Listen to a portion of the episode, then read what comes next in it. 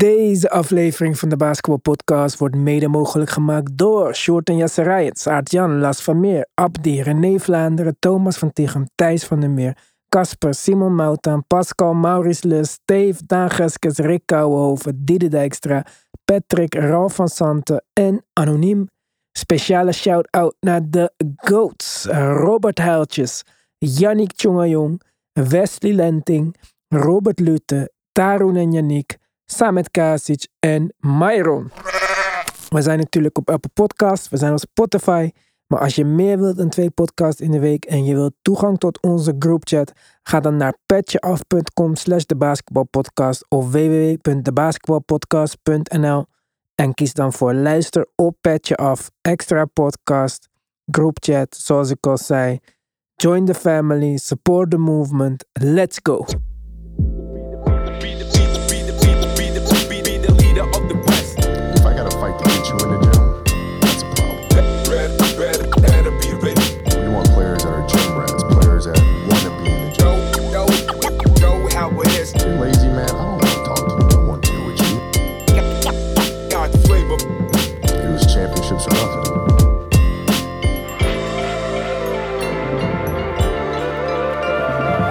Ja, Tim. NBA had ons helemaal in de war ge- gemaakt van de week. Eén dag geen basketbalfinale van de NCAA. Who cares? Mensen zaten al rillend op de bank, afkicken. Opeens zat je daar naast je chick Love Island te kijken en shit. Wat moest je met je tijd aan? Niemand wist het. Allemaal voor een wedstrijd die, nou, ik niet heb gekeken. Jij? Nee, nee, nee, nee, ook niet gezien. Nee. Dus ja, en dan eh 13 wedstrijden op één avond. Waarom niet? Ja, ogen en oren tekort. We zijn er bijna, nog eh, een halve week tegen de tijd dat je dit luistert. eh, ja, is dit de laatste podcast eigenlijk voor het einde van de regular season? Wauw, het Ja. is snel gegaan. Dat denk ik inderdaad ook, ja. Ja, dat is wel een momentje waarop je realiseert hoe snel dat seizoen gaat. En eh, nou ja, nog verschillende races te gaan en een hele drukke laatste speeldag. Dus nou, ook nog wel genoeg wedstrijden voor de boeg, denk ik. Ja, maar gewoon dat we zo over praten van ja, straks in de playoffs, dit in de playoffs, dat in de playoffs. En nu zijn de playoffs al hier. Het is niet meer conceptueel, het is gewoon happening. Ja, Shit. Nou, ik zou zeggen, pak het roer. Jij bent de kapitein van het schip vandaag. Ik eh, heb de afgelopen dagen meer en meer eh, gehoord over eh, de al dan niet zijnde race in het Westen. Die steeds meer neerkomt, naar het lijkt in ieder geval, op de race voor de zesde plek. Het lijkt alsof de teams wel een voorkeur hebben voor de zesde plek over de vijfde plek. Mm, Dat heeft natuurlijk alles te maken met de eventuele eerste ronde matchup die je of tegen Phoenix speelt als je vijfde wordt en anders tegen Sacramento. Ehm dat gaat dus duidelijk voor de teams die nog in de race zijn. Dan hebben we het over de Warriors, de Clippers, de Lakers met name. Een voorkeur uit naar het eventueel eh, spelen van Sacramento ten opzichte van Phoenix. Dus ik dacht eigenlijk, en dat wilde ik jou voorleggen. Wordt Phoenix hiermee overschat of onderschatten we Sacramento misschien? Nou, twee dingen. Allereerst, ik was ook niet per se zo op de hoogte van dat de Clippers bewust aan het verliezen waren om niet op die zesde plek te eindigen. Ik zou zeggen, win gewoon meer wedstrijden door het hele jaar. Maar oké, dat eh, zit er nu niet meer in. Ja, wordt Phoenix overschat? Ik denk het niet. Met KD hebben ze volgens mij niet verloren. Volgens mij is KD überhaupt in zijn laatste 21 wedstrijden 20 en 1 Ja, het is wel KD, Booker, Chris Paul. Nee, ik vind niet. Ik denk wel dat als ik mocht kiezen, dat ik ook liever zesde zou worden, dus dan vijfde. wel dus. Ja. Ja, toch? Kijk, laten we gewoon eerlijk zijn. Wat wil je liever? Wil je liever tegen de Suns spelen met twee under-level heavy hitters? Of tegen een team wat voor het eerst in de playoffs is? Ja, dat, eh, dat is met name het grote verschil. Tegelijkertijd bedacht ik me vandaag steeds meer. Ja, je komt dan tegenover een team te staan dat het hele seizoen al, al goed doet. Eh, misschien wel de beste aanval in de NBA heeft.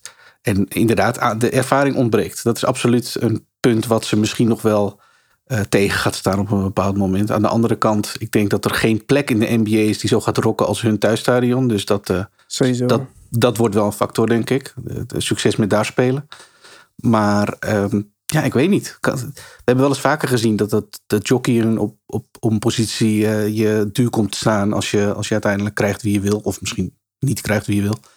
Maar ik denk dat Sacramento wel zo'n team is waar je dan misschien een hele, hele lastige serie tegen krijgt als je per se eh, nou ja, tegen hun uit zou willen komen in de eerste ronde.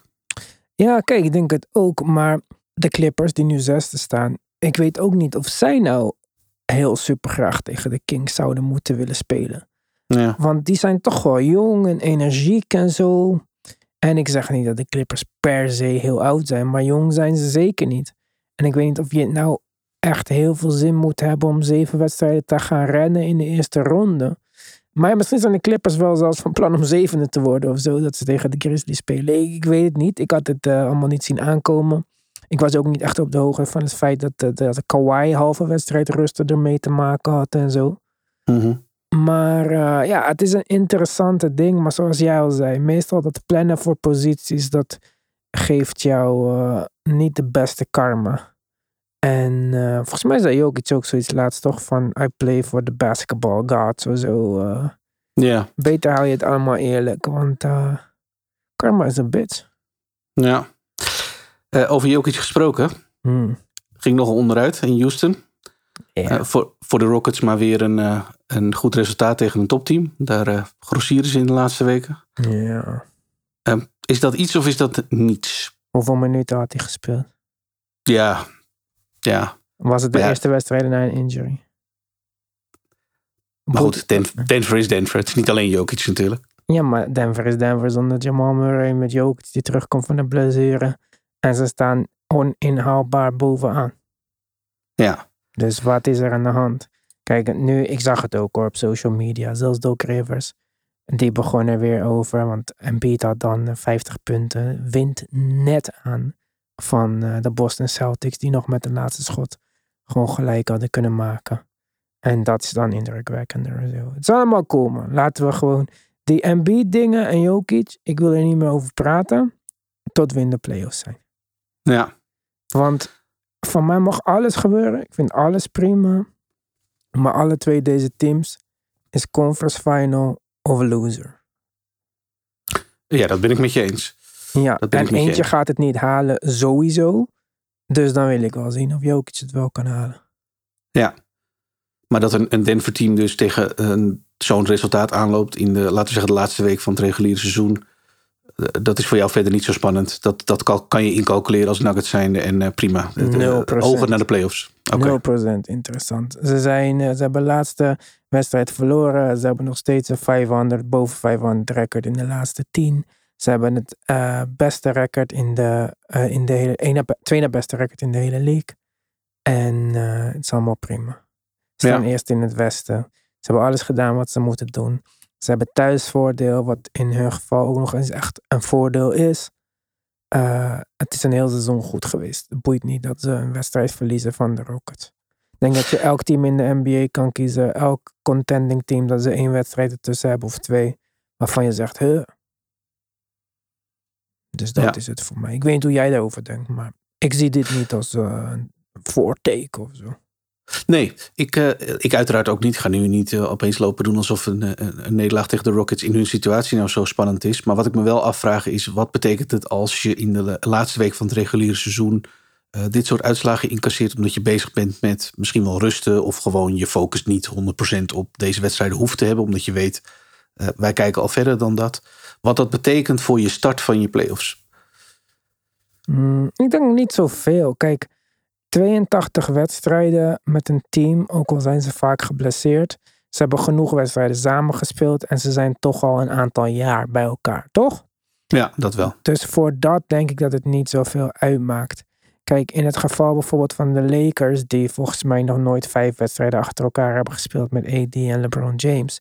En allemaal nieuwe pieces erbij hebben. Die hebben alle runs nodig die ze mogelijk kunnen krijgen. Met D'Lo, met dit, met dat. Om alle pieces aan elkaar te laten wennen. Maar er is niks meer wat de Nuggets kunnen oefenen of kunnen doen. Het is dit en dit is of goed genoeg of niet. En dat moeten we gaan zien in de playoffs Juist. dit gaat niet beter worden. Niet met nog een week.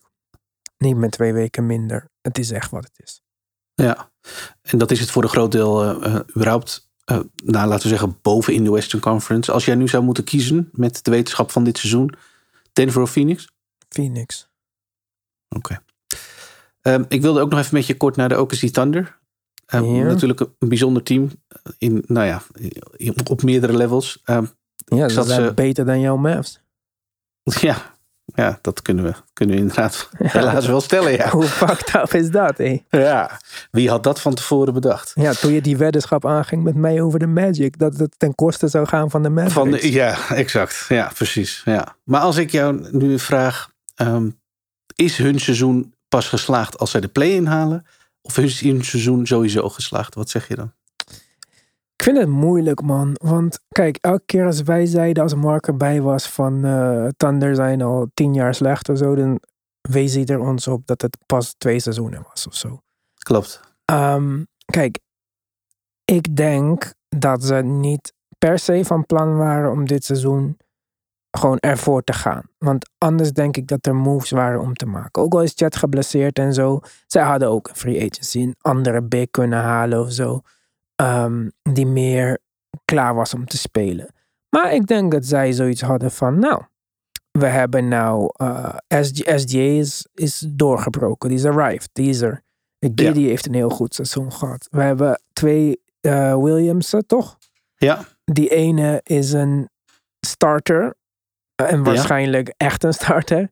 We Ja. hebben Dort, die is ook klaar. En die andere Williams, die is zo, zo waar gewoon eigenlijk onze startende center geworden. Even tussendoor. ja, Dus ik denk dat zij er een soort van hebben, vo- voor hebben gekozen om te kijken van, nou, we gaan niet bewust tanken, want anders hadden ze SGA kunnen shut down. Dat, dat had nog steeds gekund, zeg maar, om net eruit te vallen. Mhm. Maar ik denk dat ze gewoon ergens zoiets hadden van, nou, dit is wat het is. We hebben een aantal jonge spelers, we gaan gewoon met hun rijden, kijken hoe ver we komen. En dat is ons seizoen. Dus ik denk dan, als je het op die manier bekijkt, dan denk ik dat er, ja, dat je wel kunt terugkijken op een geslaagd seizoen. Je beide rookies zijn ontwikkeld, je jonge spelers, iedereen heeft een stap naar voren genomen.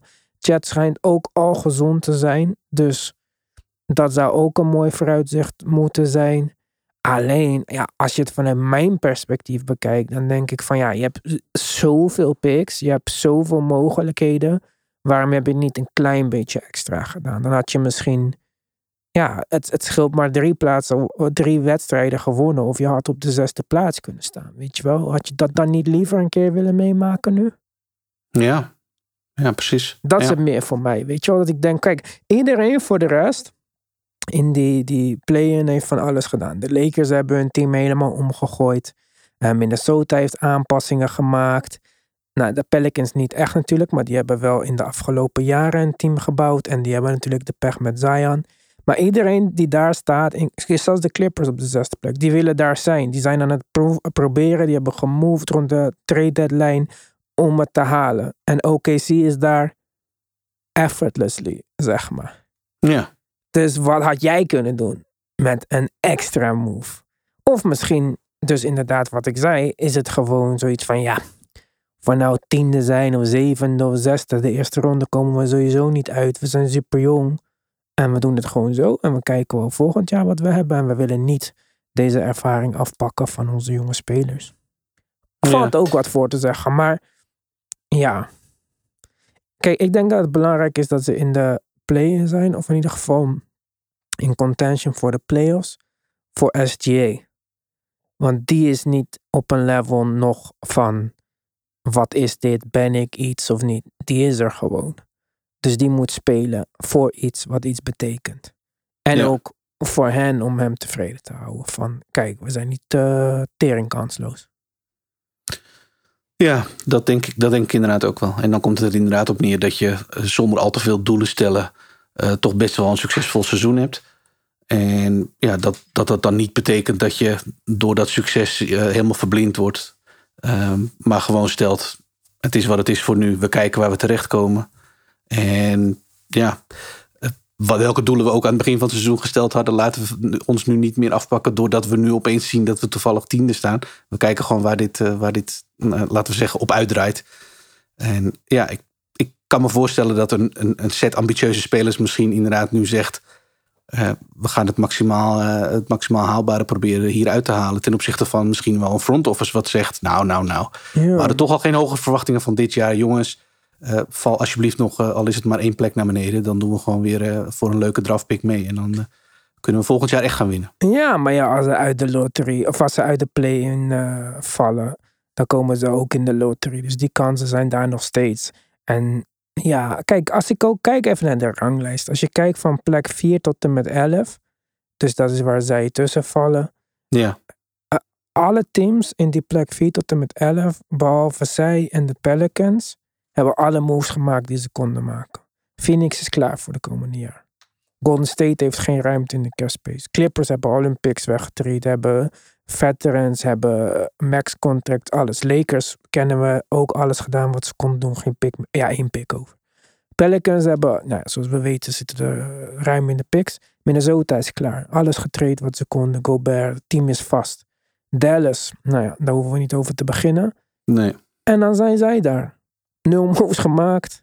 7000 picks in de reservekamer. Ja, Jonge talenten. Dus je kan ook niet echt zeggen van ja, ze staan er niet goed voor. Want ze staan letterlijk op dezelfde hoogte ongeveer als de nummer 4, 5. Zoveel scheelt het allemaal niet. 5, 6 wedstrijden. En ze hebben nog alle schaakstukken om te spelen. ja, dat is wel het grote verschil met de rest van de groep. Ja, wat snap je net al zei. Ja, Dus- ja, dat is waar. Dus kijk, als je mij vraagt van ja, hebben ze een goed seizoen? Ja, ik denk dat er meer uit te knepen viel. Maar als je mij vraagt, kijk, Phoenix, tuurlijk gaan ze knallen dit jaar, misschien volgend jaar. Golden State ook. Wie weet, Lakers, whatever. Maar je kan beter de Pelicans, de Thunder of de Jazz zijn. Dan de Dallas of Minnesota of, eh, snap je? Nee, denk ik inderdaad ook wel. Wat dat betreft zijn ze, zijn ze denk ik wel een van de interessantere ehm, teams van dat clubje. Als we, als we, al- is het maar voorbij dit seizoen kijken. Ja, Ik kijk, denk dat volgend seizoen er heel anders uit kan zien als je eh, wil kijken waar de Thunder in de ranglijst staan. denk ik ook. Maar ik heb nog wel mijn twijfels over hun rosterbeeld. Het is Oh. een heel apart rooster natuurlijk. SJ is, is de shooting guard.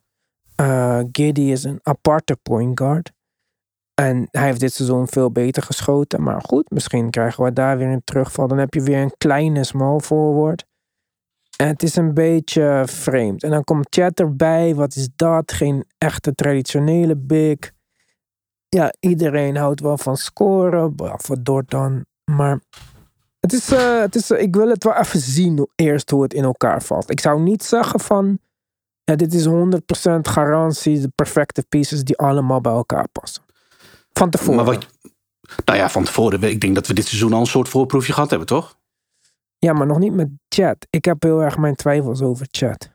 Oké. Ik ben absoluut niet die, eh, eh, ze moeten allemaal 2 meter en 150 kilo en eh, super gespierd zijn guy.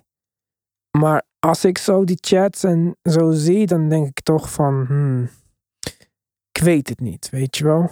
Kijk, net als Porzingis bijvoorbeeld, hè. Porzingis nog twee keer zo breed als Chet Holmgren.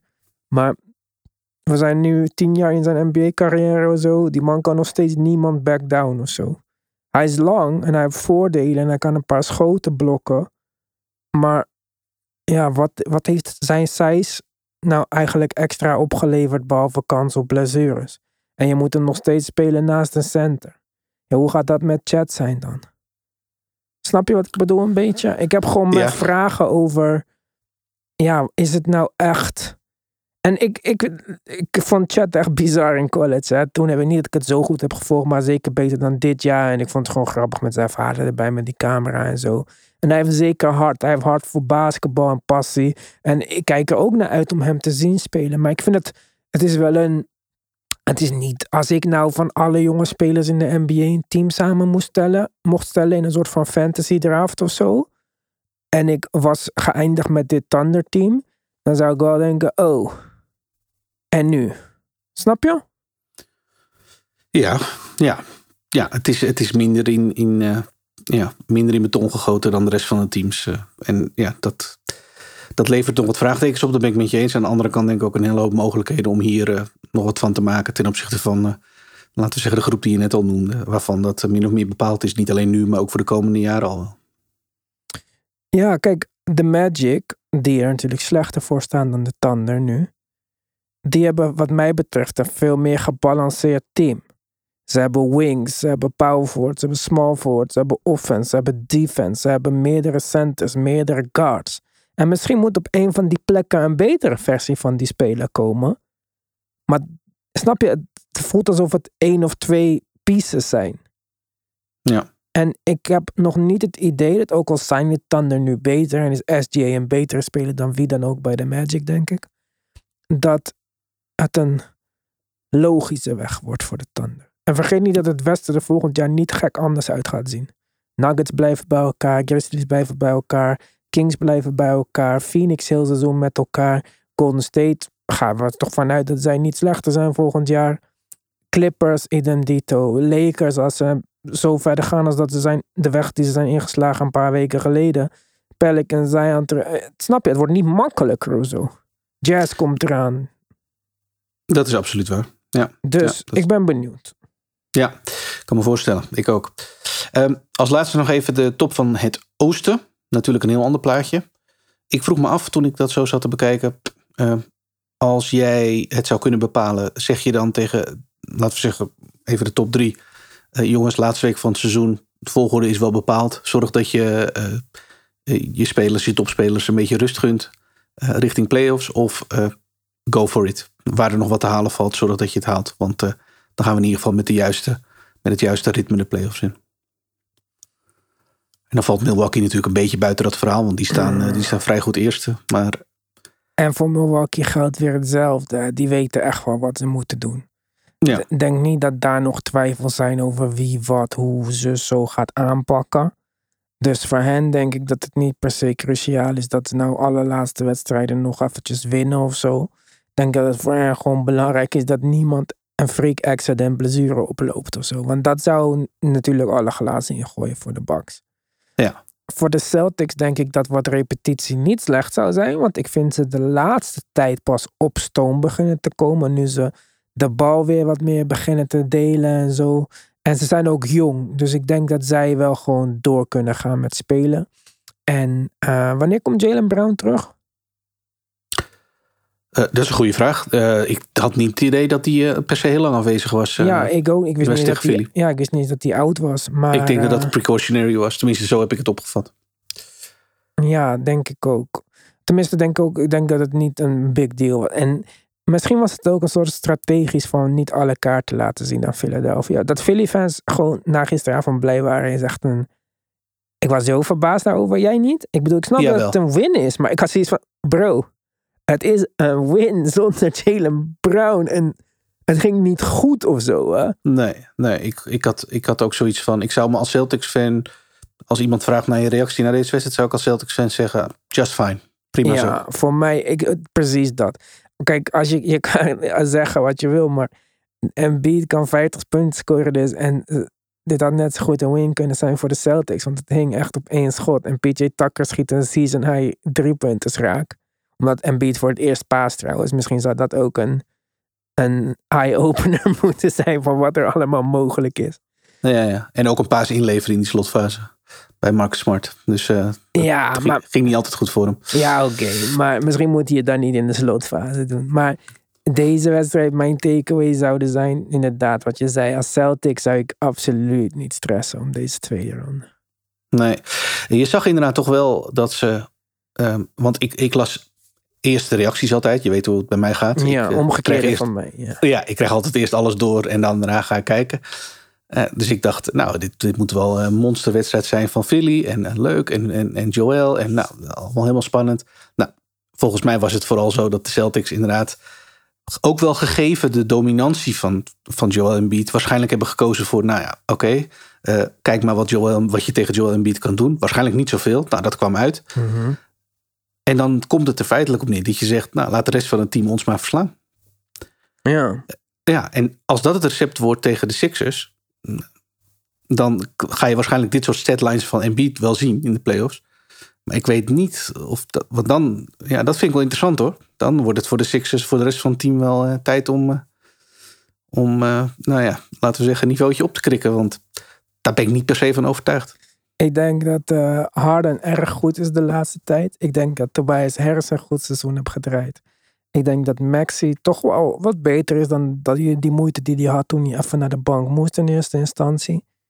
Maar ja, Tim, het kan aan mij liggen, maar als de Sixers de eerste ronde goed doorkomen, denk ik dat dat uh, ja, het hoogtepunt is van wat ze kunnen bereiken, zeg maar. En dan wil ik wel eens zien hoe het gaat. Kijk, hij, hij wou die MVP graag winnen en zo.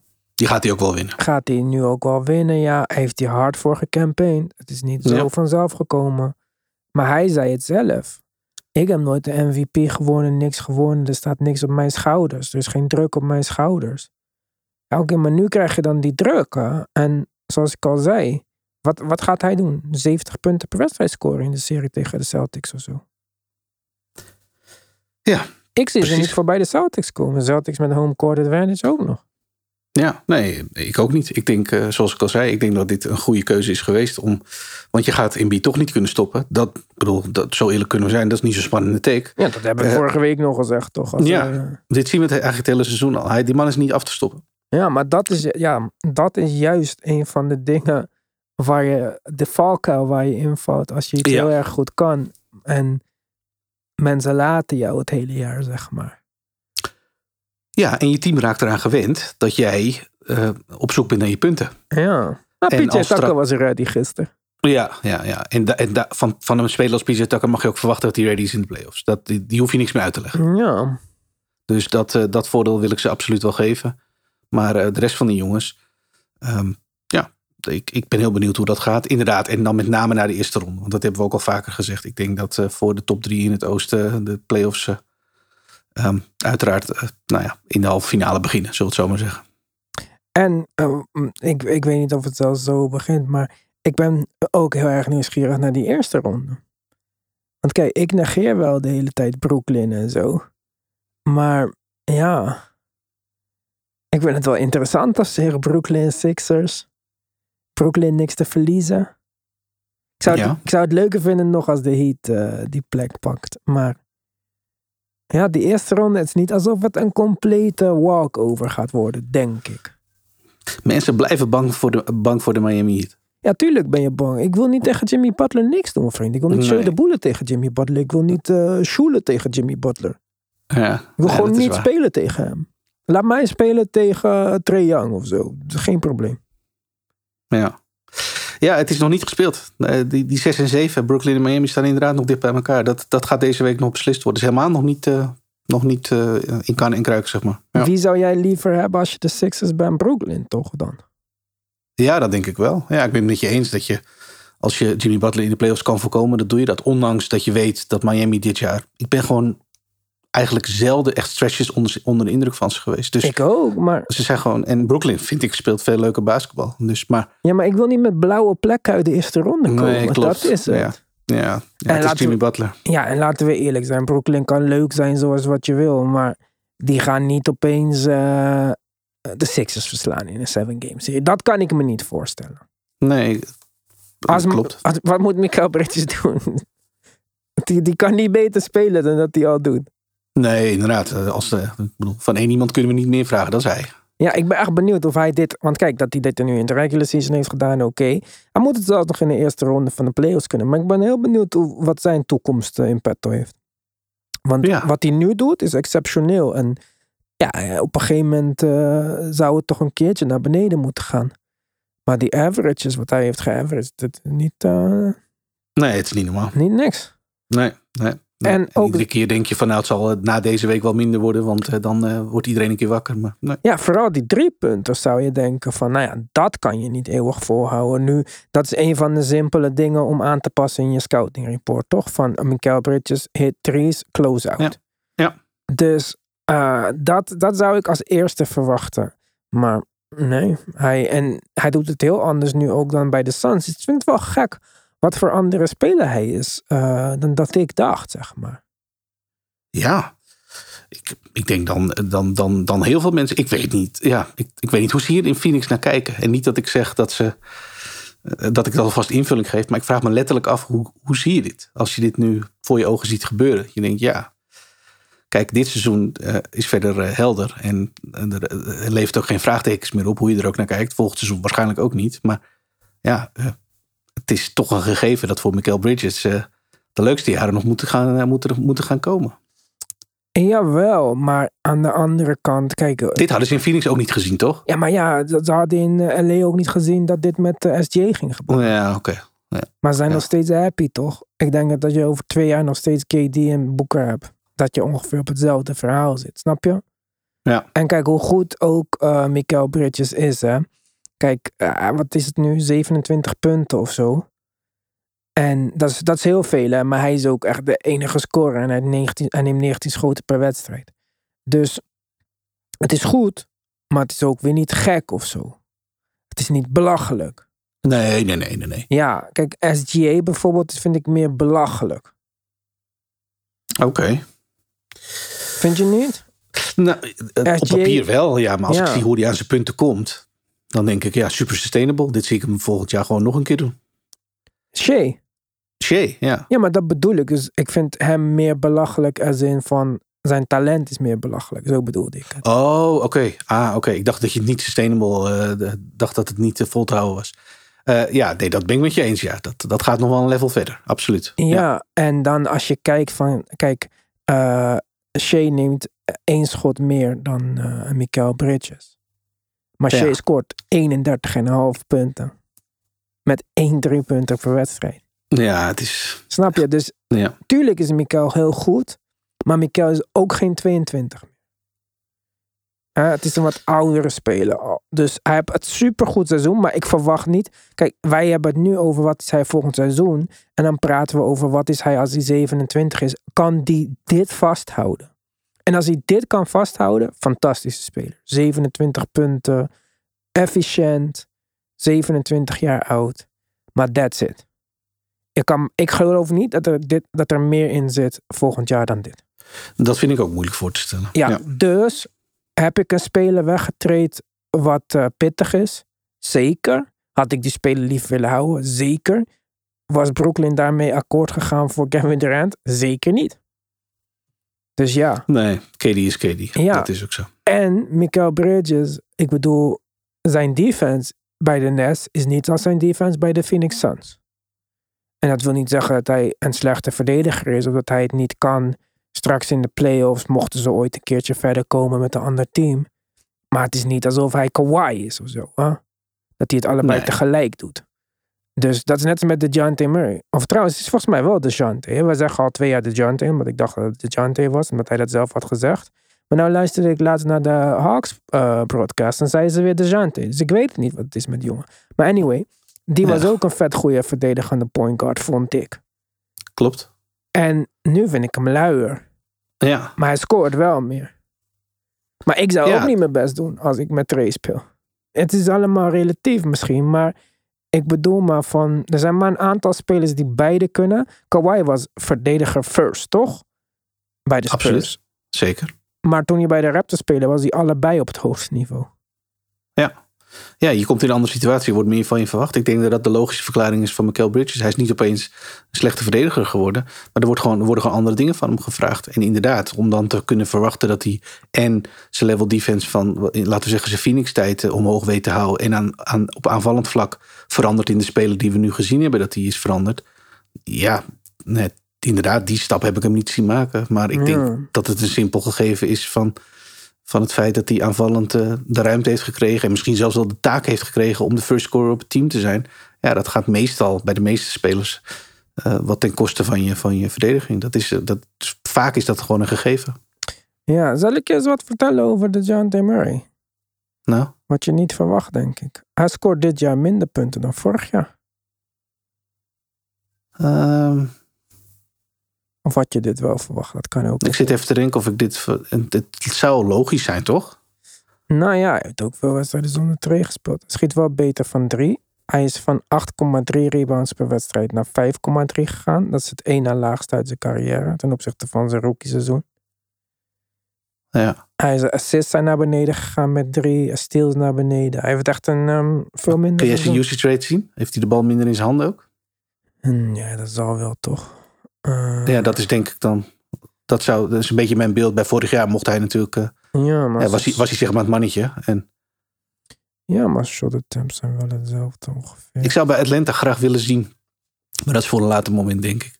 Wat het team doet en wat de verschillen zijn als uh, uh, Trey alleen speelt, wedstrijden waarin Trey alleen speelt en wedstrijden waarin DeJounte alleen speelt. Hebben we toch gezien? Met DeJounte zonder Trey winnen ze. Zijn usage Ja, ja, ja. rate is van 27 naar 24,5. Nou, nou, valt me nog mee, eerlijk gezegd. ja. Ja. Zijn forp is door de midden. Het is niet, de box plus minus is van 5,4 naar 1,1. Het is eh, best wel veel. Had ik niet verwacht, maar het zijn ook mijn statistieken. Maar in ieder geval, ik denk dat de Hawks, eh Yannick had het er vandaag nog over. Wat gaat er met de Hawks gebeuren? Ja, kijk, ik, ik denk dat Trey, niet traden gewoon uitstellen van executie is. Ik denk dat deze speler, ik denk sowieso dat zijn relatie met de front office en die banden dan die hij heeft via die zoon van die eigenaar niet gezond zijn. Ehm, ik weet niet hoe zijn band is met de nieuwe coach natuurlijk, of hoe dat vorm gaat krijgen. En misschien zou je er verstandig gaan doen om dat eerst af te wachten. Maar ik denk nog steeds dat we toch, ja, dat iedereen weet wel een beetje waar dit gaat eindigen. Ik denk dat er niemand meer is op deze planeet die denkt dat Trey de point guard kan zijn, de nummer één optie van een finals team. Nee, dat is, dat, ja, dat, dat is moeilijk. Ik heb wel, ik blijf het idee houden dat als dat ergens wel zou moeten kunnen, dus laten we zeggen het maximaal halen uit een point guard met aanvallende kwaliteiten, dat is duidelijk, maar verdedigend gewoon een ja, liability is. Uh, vanwege zijn fysiek ook gewoon. Kijk, het Ja. probleem met Trey ten opzichte van andere spelers die niet goed kunnen verdedigen, vind ik altijd. Zelfs als Trey zou willen, Kan die is. niet. Ja. Nee, precies. Ja, zit zijn fysiek hem zodanig tegen dat hij. Ja, Damian Lillard ook. Ja, het is maar zo-zo. Je, Ja. je zal nooit, en, en dat vind ik een groot, vaak een groot verschil met slechte verdedigers die misschien wat groter zijn. Ja, zoals Ja. Kyrie en James Harden. Als die worden ge- opgepost door andere grotere guard in de post, eh, sta- staan ze nog steeds hun mannetje, zeg maar. Ja, maar met ja. Dat, ik letterlijk kan mij niet verdedigen in de post. Want ik ben gewoon te zwaar voor hem. nou ja, Dus Ja. dit is gewoon jouw limitaties die zijn ingebouwd. En in de playoffs wordt het gewoon chaos. En hebben we al gezien. Kijk naar hoe Jimmy Butler en de Heat hem verdedigden, maar dat niet alleen. Kijk eens op zijn positie naar hoe Drew Holiday überhaupt verdedigt. Dat is per definitie fysiek. En in de playoffs wordt dat altijd helemaal duidelijk. Daar kom je gewoon niet onderuit. Dat, dat, dat, ik bedoel, daar zou die. ja, Marcus dan moet hij aan de doping, man, als hij, daar, eh, als hij daar wat tegen wil doen. Ja, en er is gewoon een kans bestaat dat ze dit jaar dus tegen de Bucks komen in de eerste ronde. Ja, Ja, ik zie dat gewoon als totaal kansloos. Ja, ik, eh, ik Dat kan, er niks anders van maken. En dan Ja. vraag ik me dus af, kijk, zeg maar nogmaals. Tuurlijk kan je zeggen, ja, nieuwe coach, we moeten nog kijken hoe het verder gaat en zo. En daar valt wat voor te zeggen. Maar, ja, maar Ja, want ik denk dat ze het ingecalculeerd hebben. hoe bedoel je? Nou, dat van, eh, haal, haal Snyder maar binnen. En kijk maar wat, eh, wat dit seizoen nog brengt. Maar dat geeft Snyder de tijd om nou, dit team te leren kennen. En om dan eh, waarschijnlijk in de zomer goede beslissingen te kunnen nemen. Want eh, daar, wordt- daar zal die in gehoord worden. Ja. En dan gaan de pijlen op volgend seizoen. Ja, maar wat, maar zou jij, kijk, want ik zou het doen, hè. Ik zou trade traden. Maar gewoon omdat ik, ik zie het gewoon absoluut niet, zeg maar, met hem. Ik denk dat hij een skillvolle passer is. Hij is niet zo'n goede shooter als dat mensen denken. Ehm, hij is spectaculair soms, hij is hinderlijk. Hij kan zeker wat. Maar ik denk, dit zou niet de speler zijn waar ik omheen wil bouwen.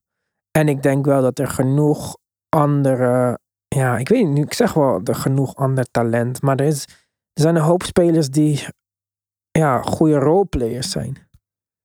Maar dan, Op de haks nu. ja, als hij weg is, dan moet er wel nog een andere speler komen. of Ja, zo. zeker weten. Ja, dat denk ik ook wel. Ja, dit is wel, het is wel een leuk team en er, is- er zit absoluut talent op. Maar ja, inderdaad, het is wel zo opgebouwd dat er een, een speler als Trey eh, de ster moet zijn. Als die weg zou gaan, dan moet je daar wel, er moet wel iets voor terugkomen. Ja. ja. Ja, kijk, als je gewoon kijkt naar Quinn Snyder's verleden, dan gaan we Capella omtoveren tot de paint protector die iedereen dacht dat hij ooit zou moeten worden, zeg maar. En wat hij misschien ook al geweest is. Maar ja, dus Capella is, is, is een speler die ik bij een Quinn Snyder vind passen, toch? ja? Ja, dan denk ik DeJounte Murray ook. Want DeJounte heeft ja, toch wel vlagen van een Donovan Mitchell, toch? Qua intensity, qua scoringvermogen. En ik zeg niet dat hij net zo goed kan scoren als Donovan Mitchell, maar ik vind hem niet een speler die buiten dit systeem zou passen. Nee, nee ik, zie ze, ik zie ze zeker eh, verder willen gaan lang, lang term met, met de Chantemeur. Zeker, ja. Ja, maar als ik dus een coach ben hè, met een basis in Europa en een tijdje onder Pop, die altijd team first basketball heeft gespeeld, zeg maar. Wat de fuck moet ik dan met Trae Young? Ja. Dus ik zie het al, zeg maar. Ik zie het niet, ik weet niet hoe. Ja, misschien zien zij het anders. Of misschien is van tevoren gezegd van luister, Trae is onze franchise guy. En dit is het. Maar anders, die kans lijkt me zo klein. Maar ik zou niet weten wat de markt is. Hè? En ik zou ook niet weten of er een team is die geïnteresseerd is in hem. Trae Young in, eh, in Toronto zou grappig zijn met al deze grote guys en zo. Ja, ik denk wel dat, uh, dat een speler als Trey vraagt van een, uh, een team om daar heel goed over na te denken wat er omheen staat. Omdat het gewoon broodnodig is. Je kan, ik bedoel, hij is geen plug-and-play speler. Ondanks dat hij misschien heel talentvol is. Door met name zijn verdedigende beperkingen natuurlijk. Dus ik denk inderdaad wel dat... Ja, en zijn lack of off the dribble shooting. Dat ook, ja. Met de bal in zijn hand is hij gevaarlijk. Met de bal niet in zijn handen, ja. Ja, dat bedoel ik. Sorry. Of de bal, niet off the dribble. Maar ja... ja. Hij is geen off-ball speler. Dit is waar het grootste punt waar het fout is gegaan. Toen Travis Lenk hem drafte en dachten we gaan hier Warriors uh, Oost maken. Ja. Dat hij precies dat niet kan waar Steph zo goed in is. En dat is hetzelfde waar het aan ligt met Damian Lillard. Dus ja. Ja, nou ja, en ik, ik, ik zou het nog niet willen opgeven dat deze twee spelers misschien met nieuwe coaching, en dan vind ik Quinn Snyder een hele goede keuze, uh, misschien nog wel uh, gaan leren om hier wat van te maken aanvallend. Maar ja, ik heb de afgelopen tijd wel eens gedacht, en dit klinkt misschien een beetje negatief naar Haks toe, maar um, ja, die gedachte kwam omhoog. Quinn Snyder, waarom heb je niet gewacht tot de zomer? Nou, om die reden wat je net zei, ik denk dat het een goede reden is. Zodat ze van de zomer meer ready zijn om aanpassingen te maken die in de lijn van de nieuwe. Nee, nee ik, bedoel meer, ik bedoel meer als hij nu tegen de Hawks had gezegd: nee, jongens, nu nog niet. Ik wacht oh, even tot de zomer. Dan ja, maar omdat jij hem bij Dallas wil hebben. Nou ja, ja, zeg het eerlijk. ja, niet liegen nou. Er is geen ander team waar een plek vrijkomt. Alleen Dallas. Weet je het zeker? Weet je het zeker? Nee, ik denk Toronto ook. Philly? Nee, Philly niet, denk ik. Nee? Nee, Joel is MVP. Jij denkt niet als die in de tweede ronde uitgaan dat, uh, dat Doc Rivers niet ontslagen wordt? Nee, ligt aan wat er, uh, wat er gebeurt met Embiid, denk ik. Ik denk okay. niet dat Embiid een ekel heeft aan Doc Rivers. Nee, nee, maar ik bedoel, het, wat ga je dan volgend jaar weer proberen? Ik bedoel, ja, maar kijk, ik heb veel kritiek, toch? En misschien overdrijf ik. En uh, misschien kijk, bekijk dingen ook op mijn eigen manier. Maar al die mensen daar die in front offices werken, die zijn ook slim. Hè? Hoe, ja. welk, welke coach? Als ik nu, uh, als ze mij morgen general manager maken van de Sixers en ze geven me mij miljoenen om uh, te zorgen dat ze gaan winnen. Dus ik, ik ga mijn, al mijn eigen voorkeuren, persoonlijke voorkeuren, ga ik weggooien. Want ja, ik, ik, wil winnen, want ik moet die miljoenen pakken. Ja, dan ligt het niet aan Doc Rivers dat dit allemaal niet werkt. Hij is een onderdeel daarvan. Maar stuur ik Doc Rivers weg en dan krijg ik Quinn Snyder. Gaan we niet winnen volgend jaar. Hou ik Doc Rivers, doen we en beat weg. Ga ik niet winnen volgend jaar. Wat ik ook ga doen, ik ga niet winnen volgend jaar. Dus ja. Maar dat willen ze in, in het front office van Philly niet toegeven. Ik denk niet dat ze op die manier denken. Ik denk dat als jij echt uh, aan, hoe heet die guy ook alweer, die uh, general manager? Um, niet Elton uh, Brand, maar uh, gewoon die uh, fast money. Daryl Morey. Ja, Daryl Morey. Ik denk als, als je diep in zijn hart kijkt, dat van hem ook beat weg mag. Als hem maar Harden blijft dan. Ik denk dat als je echt aan mooi heeft, dat is het mooiste spelen. Dat is zijn hele filosofie is daarop gebouwd. Je ziet alle spelers die dit seizoen zijn gehaald, zijn voor, zijn voor uh, Harden, zijn niet voor Embiid. PJ, uh, die Anthony Melton. Dus ja, wat is nou de goal van dit team dan? Ja, als Harden weg is komende zomer. Ja, maar ik vind, dat niet zo, ik vind dat niet zo erg. Want ik denk dat als een. Kijk, natuurlijk. Maar Daryl Morey wel. Ja, tuurlijk vindt Daryl Morey dat erg. Maar ja, uh, wat moet hij doen dan? Hij heeft hem daarheen gehaald. Hij heeft Ben Simmons opgegeven en een paar picks. Nou, woehoe. Dat is uiteindelijk ook wel meegevallen, toch? Dus uh, dat maakt niet zoveel uit. Heeft hij nog de muscle dat hij daar Maxi heeft rondlopen. En dan start volgend jaar Maxi met die Anthony Melton. Groot verschil? In een regular season? Nee.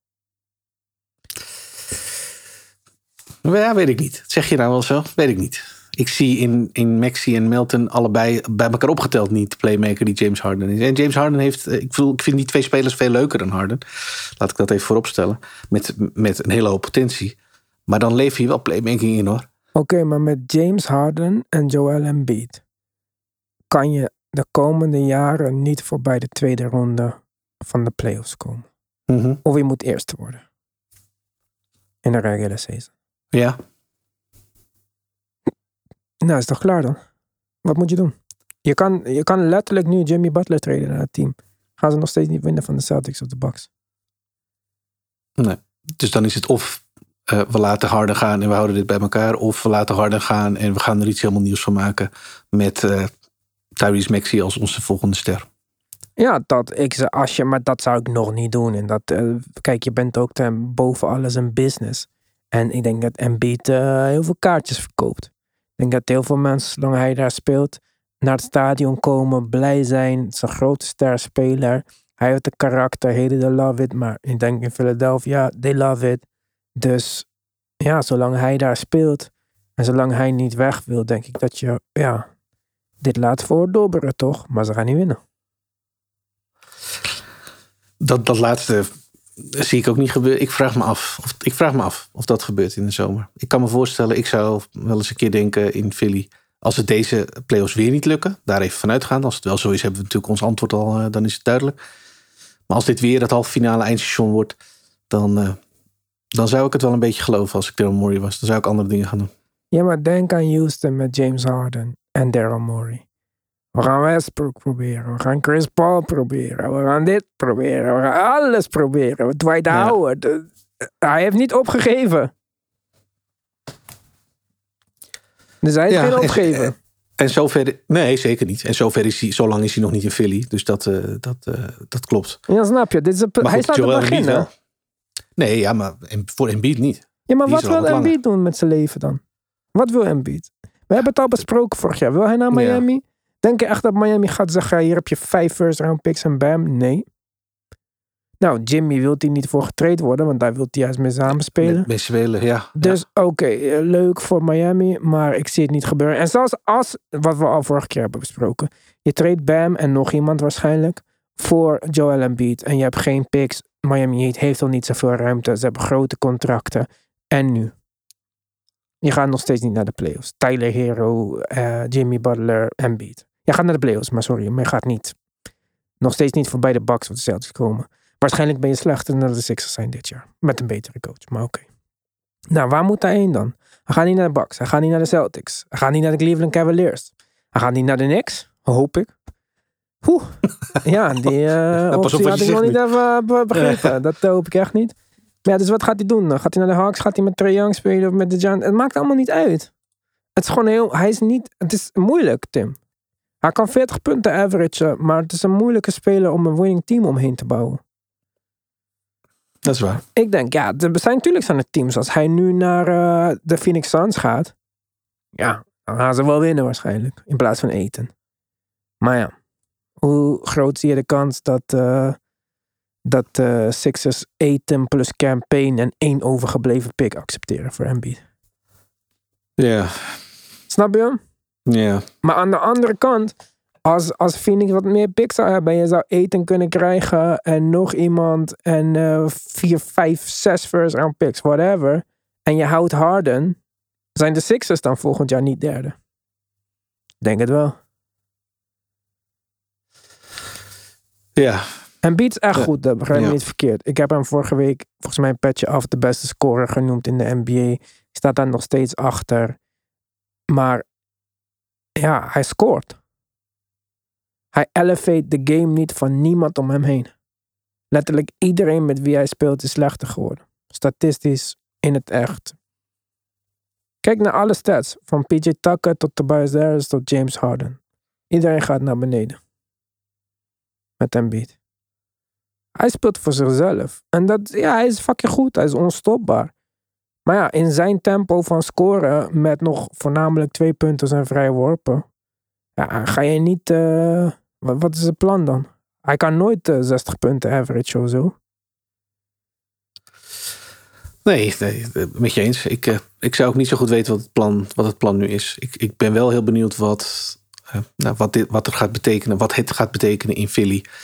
Als uh, dit seizoen niet weer echt succes weten te halen. En ja, ik snap dat je zegt van er is een gerede kans dat het gewoon voortdobbert. En dat we misschien niet al te grote, met, met al te grote veranderingen volgend jaar naar een soort vanzelfde Philly-team gaan, gaan zitten kijken.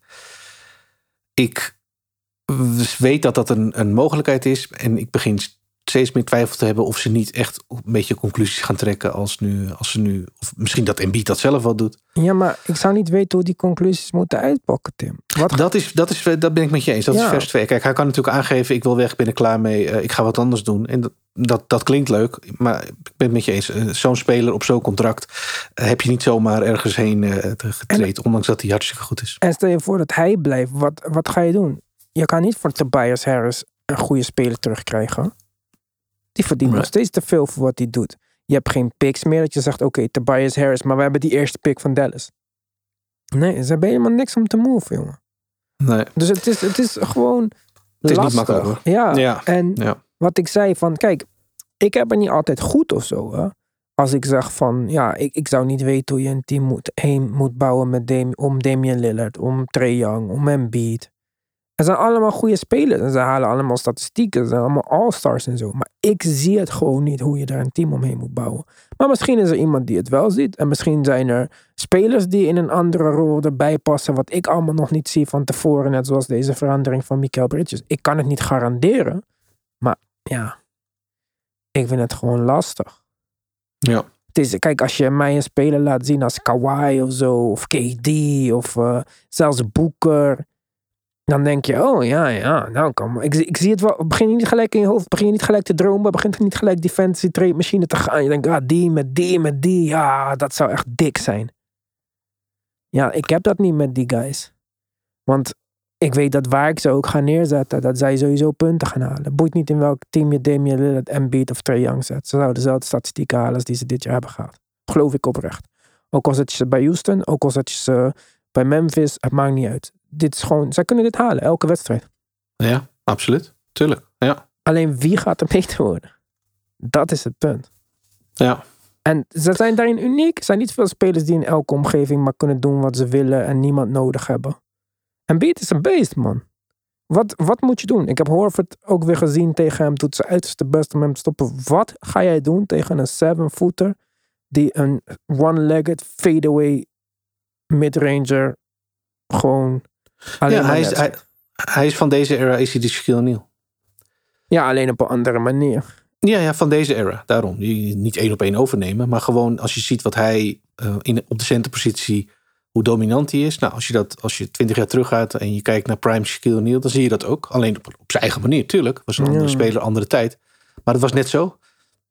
De, de, en de spelers die daar nu op terugkijken, als je een interview, die, die weten ook, die zeggen ook achteraf van, er was geen begin aan. En je probeert het met één, met twee, met drie, met vier. Het maakt er geen, maakt er geen meter uit. En dat zie je met Embiid nu ook. We hebben alle verdedigingen op hun afgegooid zien, zien worden. Grote, minder grote verdedigers die heel sterk zijn.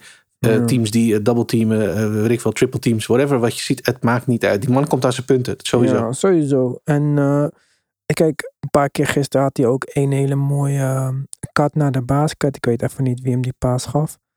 En hij hij is gewoon niet te stoppen. Eh, Ook, volgens mij, ik weet niet wie hem die paas gaf en zo, maar ik weet dat Grant Williams gewoon uit de weg stapte. Want die dacht, ja, wat de fuck moet ik doen, weet je wel. Dit is niet Ja. Chet Holmgren of zo.